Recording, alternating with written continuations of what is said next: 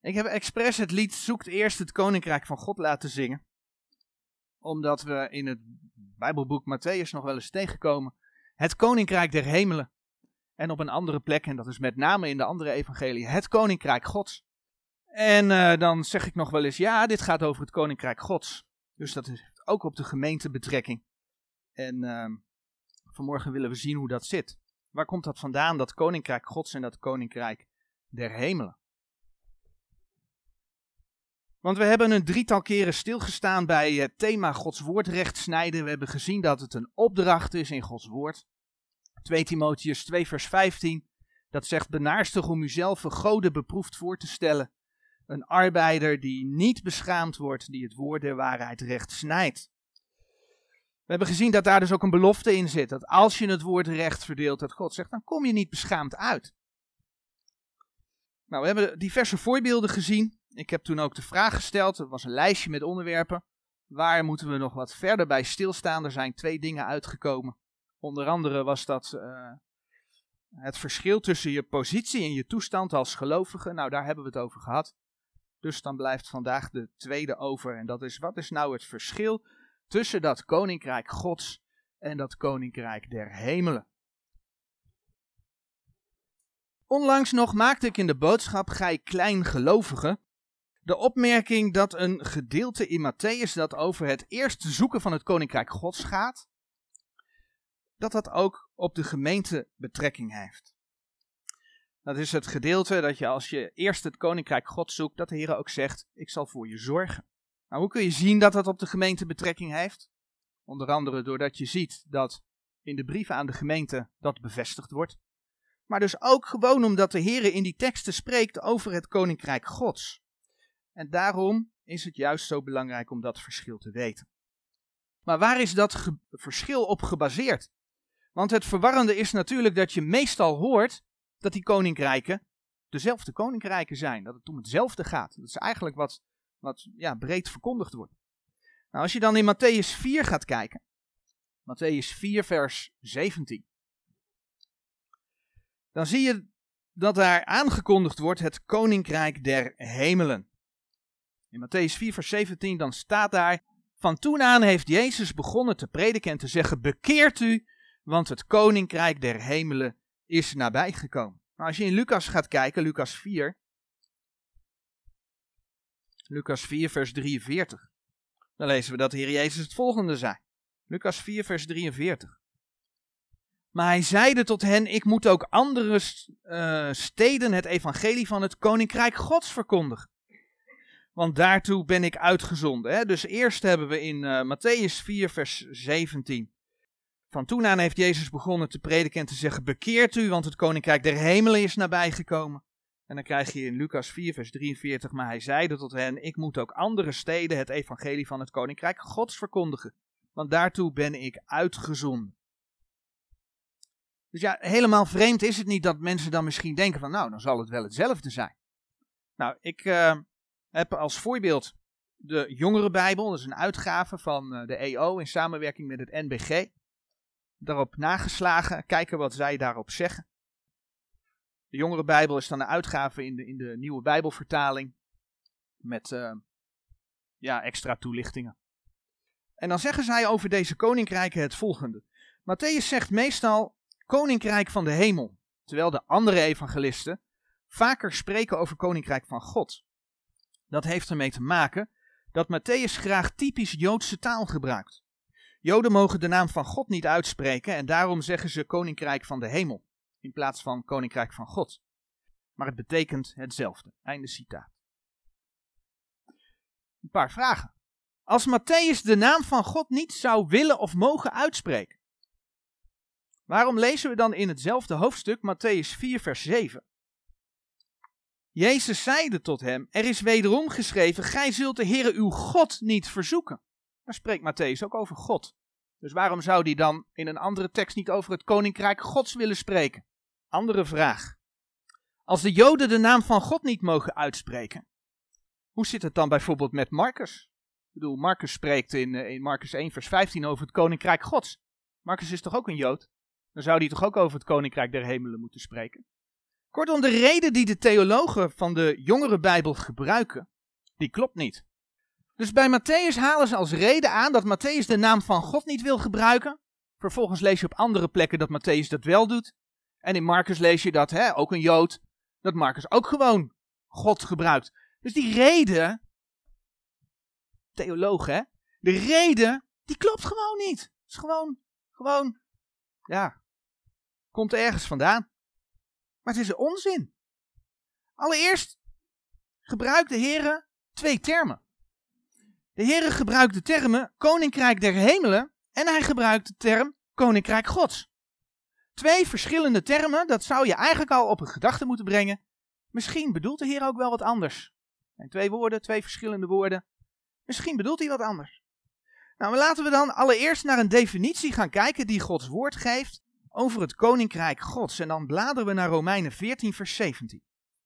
Romeinen 14, vers 17. Want het koninkrijk Gods is niet spijzen en drank, maar rechtvaardigheid en vrede en blijdschap door de Heilige Geest. Dat is een bijbelse definitie van het koninkrijk Gods. Hieruit blijkt dat het koninkrijk van God een geestelijk koninkrijk is. Het koninkrijk van God is daar waar blijkbaar de Heilige Geest ook aan het werk is. Zo vinden we in 1 eh, Korinthe 4 vers 20. 1 Korinthe 4 vers 20. Een paar bladzijden verder. Het volgende. Want het koninkrijk Gods is niet gelegen in woorden, maar in kracht. Want het koninkrijk Gods is niet gelegen in woorden, maar in kracht. Alweer zo'n tekst waaruit blijkt dat het koninkrijk Gods dus geestelijk is.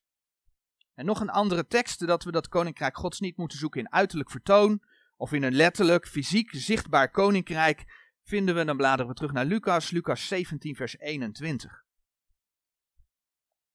En dan komen we dus terug in de evangelie en dan zie je dus dat zowel de brieven van Paulus aan de gemeente, als wat in de evangelie staat, dat het elkaar ook ondersteunt. Het spreekt elkaar niet tegen. Lucas 17, vers 21 spreekt over het koninkrijk Gods het volgende. En men zal niet zeggen, zie hier of zie daar, want zie, het koninkrijk Gods is binnen u lieden. Het koninkrijk Gods is dus iets wat in de mens kan zitten. Het is geestelijk van aard. Nou, dan komt het, dan spreekt alleen Matthäus over het koninkrijk der hemelen. Maar wat is dat dan voor een koninkrijk? Zoals we weten werd koning David een eeuwig koninkrijk beloofd en dan bladeren we terug naar 2 Samuel 7. Hem werd een eeuwig koninkrijk beloofd. En dat was niet zozeer een, een, een geestelijk koninkrijk. Ik bedoel, David was gewoon letterlijk koning op aarde. Hij had zijn troon in Jeruzalem staan. En dan lezen we in 2 Samuel 7, vers 16. De belofte van God aan David. Doch uw huis zal bestendig zijn en uw koninkrijk tot in eeuwigheid voor uw aangezicht. Uw stoel zal vast zijn tot in eeuwigheid. Hier wordt niet gesproken over een koninkrijk in David. Hier wordt gesproken over een koninkrijk voor uw aangezicht. Uw stoel zal vast zijn tot in eeuwigheid. Een stoel of troon is in principe niets geestelijks. Het gaat hier ook dus over Davids troon die in Jeruzalem gestaan heeft. En we weten dat dit vervuld zal worden in de Heer Jezus. En toen de Heer Jezus ook geboren werd, bladeren we naar Lucas 1. Toen de Heer Jezus geboren werd, werd van hem in, uh, in uh, Lucas 1, vers 32 en 33 het volgende geprofiteerd. Ik denk dat we de teksten wel kennen. Deze zal groot zijn en de zoon des Allerhoogste genaamd worden. En God de Heere zal hem de troon zijns vaders Davids geven. En hij zal over het huis Jacobs koning zijn in der eeuwigheid. En zijns koninkrijks zal geen einde zijn. Opnieuw wordt hier gesproken over een troon, de troon zijns vaders Davids. Het gaat om een letterlijk koninkrijk op aarde, dat zijn vervulling krijgt in het duizendjarig vrederijk en daarna in de nieuwe hemel en op de nieuwe aarde. En dat letterlijke koninkrijk, dat is dat koninkrijk der hemelen. De vraag is dat vreemd dat het koninkrijk der hemelen dat fysieke, tastbare, letterlijke koninkrijk op aarde is? Nee, dat is niet vreemd. Laten we beseffen dat de hemelen een schepping zijn van Gods hand. Als we aan de hemel denken, denken we al gauw aan iets geestelijks. Maar de hemelen zijn een schepping van Gods hand. Oftewel, de hemelen zijn fysiek. God schiep de hemelen. De hemelen schiepen niet God. Met andere woorden, het is tastbaar. In Genesis 1 vers 1, die tekst die kennen we wel. In den beginne schiep God de hemel en de aarde. Dat is enkelvoud. Maar laten we Psalm 102 opzoeken. Psalm 102. In den beginne schiep God de hemel en de aarde, staat in Genesis 1 vers 1. Maar kijk wat er in Psalm 102 vers 26 en 27 staat. Gij hebt voormaals de aarde gegrond en de hemelen zijn het werk uw handen. Die zullen vergaan, maar gij zult staande blijven. En zij allen zullen als een kleed verouden. Gij zult ze veranderen als een gewaad. En zij zullen veranderd zijn. De hemelen zijn het werk uw handen. En als we dan kijken wat Paulus in 2 Korinthe 12 vers 2 zegt, dan zien we dat er bijvoorbeeld een derde hemel is. 2 Korinthe 12 vers 2. Ik ken een mens in Christus voor 14 jaar of het geschied is in het lichaam weet ik niet of buiten het lichaam weet ik niet, God weet het. Dat er zodanige opgetrokken is geweest tot in de derde hemel. Je zegt de Heer dat er een derde hemel is. Nou, als je bedenkt dat de Bijbel op bepaalde plaatsen zegt dat God in de hemel woont. Een tekst waar je dat kunt vinden is Psalm 2 vers 4. God woont in de hemel. Maar als je in Genesis gaat lezen, Genesis 1 vers 8, Genesis 1 vers 14, dan lees je dat God het uitspansel maakte. Dat hij in dat uitspansel de zon en de maan maakte. En dat uitspansel noemde hij hemel. Nou, God is, God is overal, maar zijn woonplaats is niet het heelal. Zijn woonplaats is de hemel, dat is de derde hemel. Maar het heelal wordt dus ook hemel genoemd. En dan komt hij. Zo kom je teksten tegen dat de vogels in de hemel vliegen.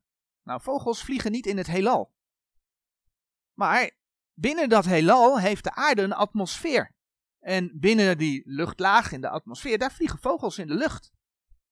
Dus die luchtlaag om de aarde wordt ook hemel genoemd. En dan hebben we er drie. Om de aarde is de hemel, is de eerste hemel. Dan heb je het heelal, dat is de tweede hemel. En boven dat alles woont God in de hemel. Dat is drie hemelen. En zo krijg je dus dat Paulus zegt dat, dat er iemand opgetrokken is geweest tot in de derde hemel. Daar heb je de hemelen. De hemelen zijn de werken van Gods handen. God heeft dat gemaakt. Het is tastbaar, het is fysiek, het bestaat, het is er. De Bijbel zegt dat God geest is, bijvoorbeeld in Johannes 4, vers 24. Nou, een geest kun je niet zien. God de Vader kun je niet zien.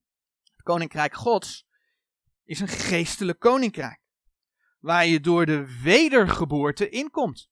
Johannes 3, vers 3. De wedergeboorte is een geestelijke geboorte. Als je Johannes 3, vers 3 leest. En het mooie is dat ook juist daar weer het koninkrijk Gods naar voren komt. Ik laat het toch even zien. Johannes 3, vers 3. Jezus antwoordde en zeide tot hem: Voorwaar, voorwaar zeg ik u, tenzij dat iemand wederom geboren wordt, hij kan het koninkrijk Gods niet zien. Geestelijke geboorte geeft ingang tot een geestelijk koninkrijk.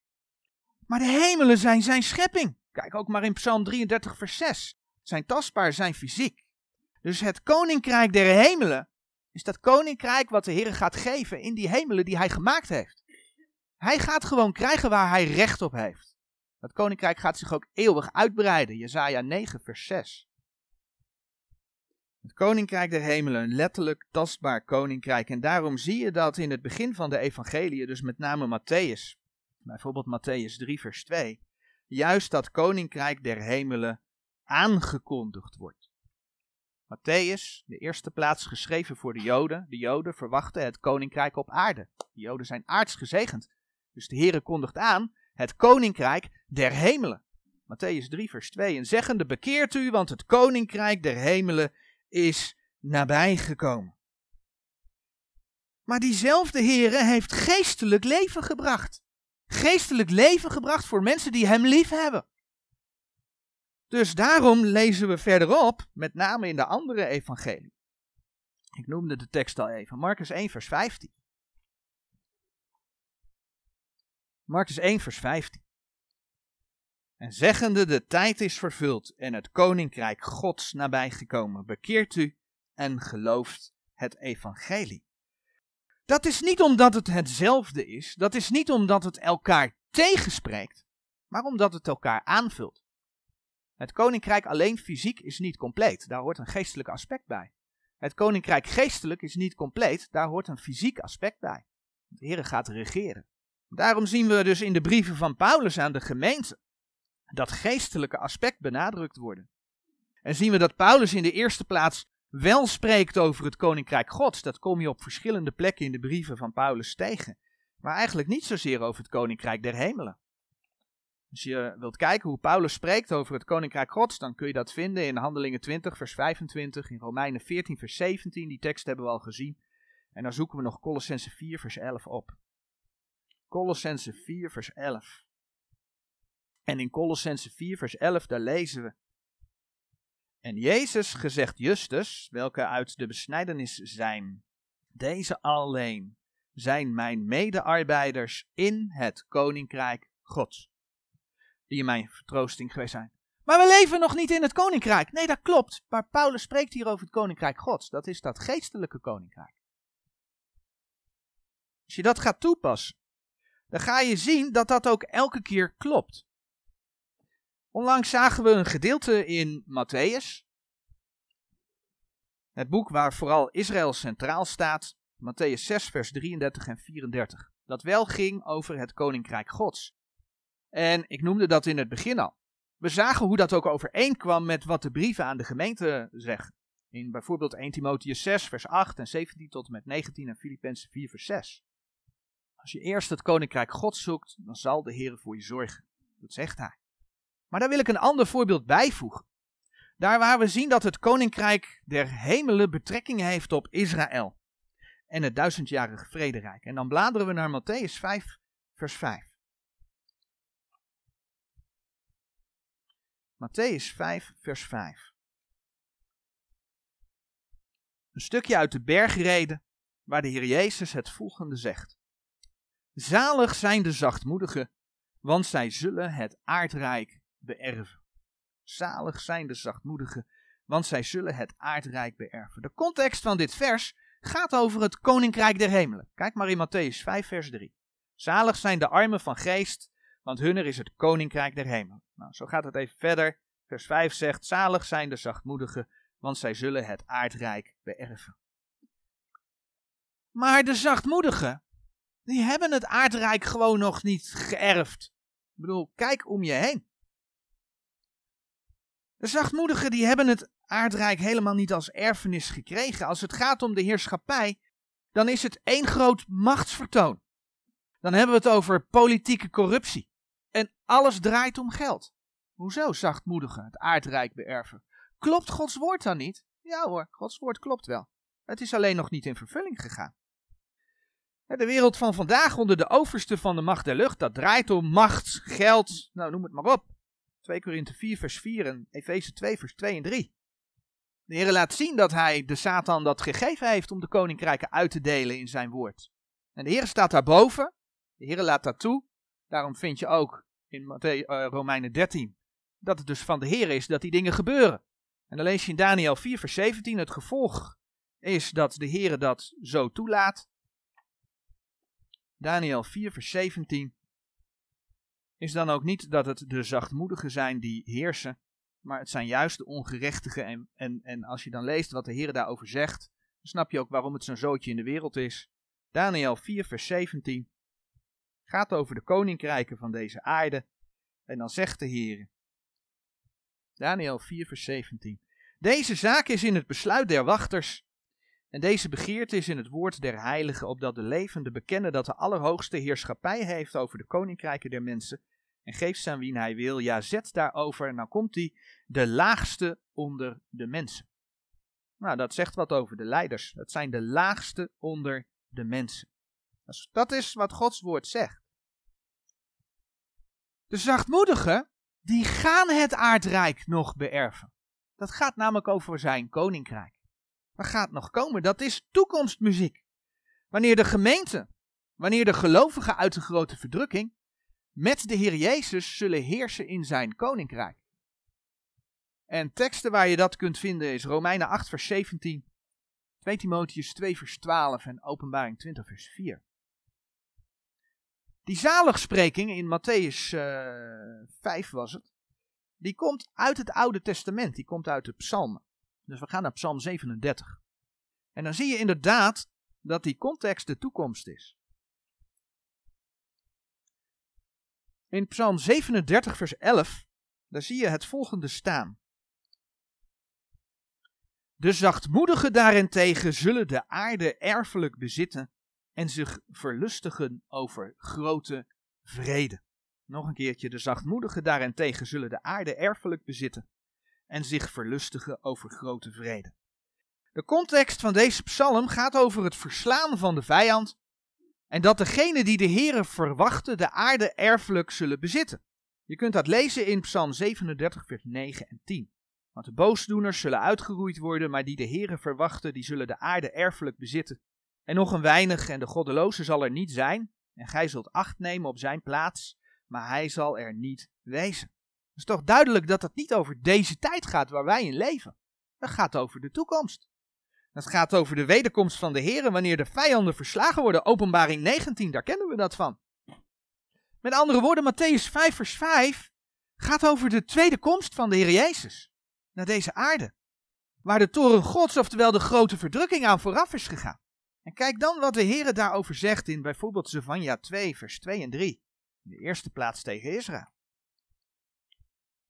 Zevania 2, een van de kleine profeten. Daniel, Hosea, Joel, Amos, Obadja, Jona, Micha, Nahum, Habakkuk, Zevanja. Zevanja 2 vers 2 en 3.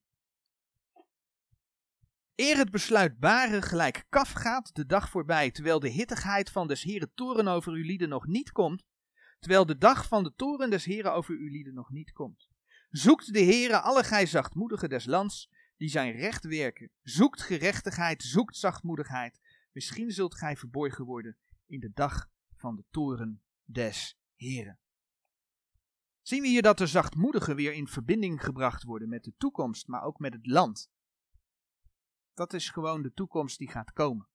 En zo zien we opnieuw dat het wezenlijk van belang is om dus het onderscheid te weten tussen het koninkrijk Gods, het koninkrijk der hemelen. En als je dat leest in Gods woord, dan denk je: oh ja, koninkrijk Gods, geestelijk koninkrijk. Wat voor les zit er voor mij in? Koninkrijk der hemelen. Wat zegt dit over de toekomst? Belangrijk om Gods woord recht te snijden, opdat je niet beschaamd uitkomt. Amen.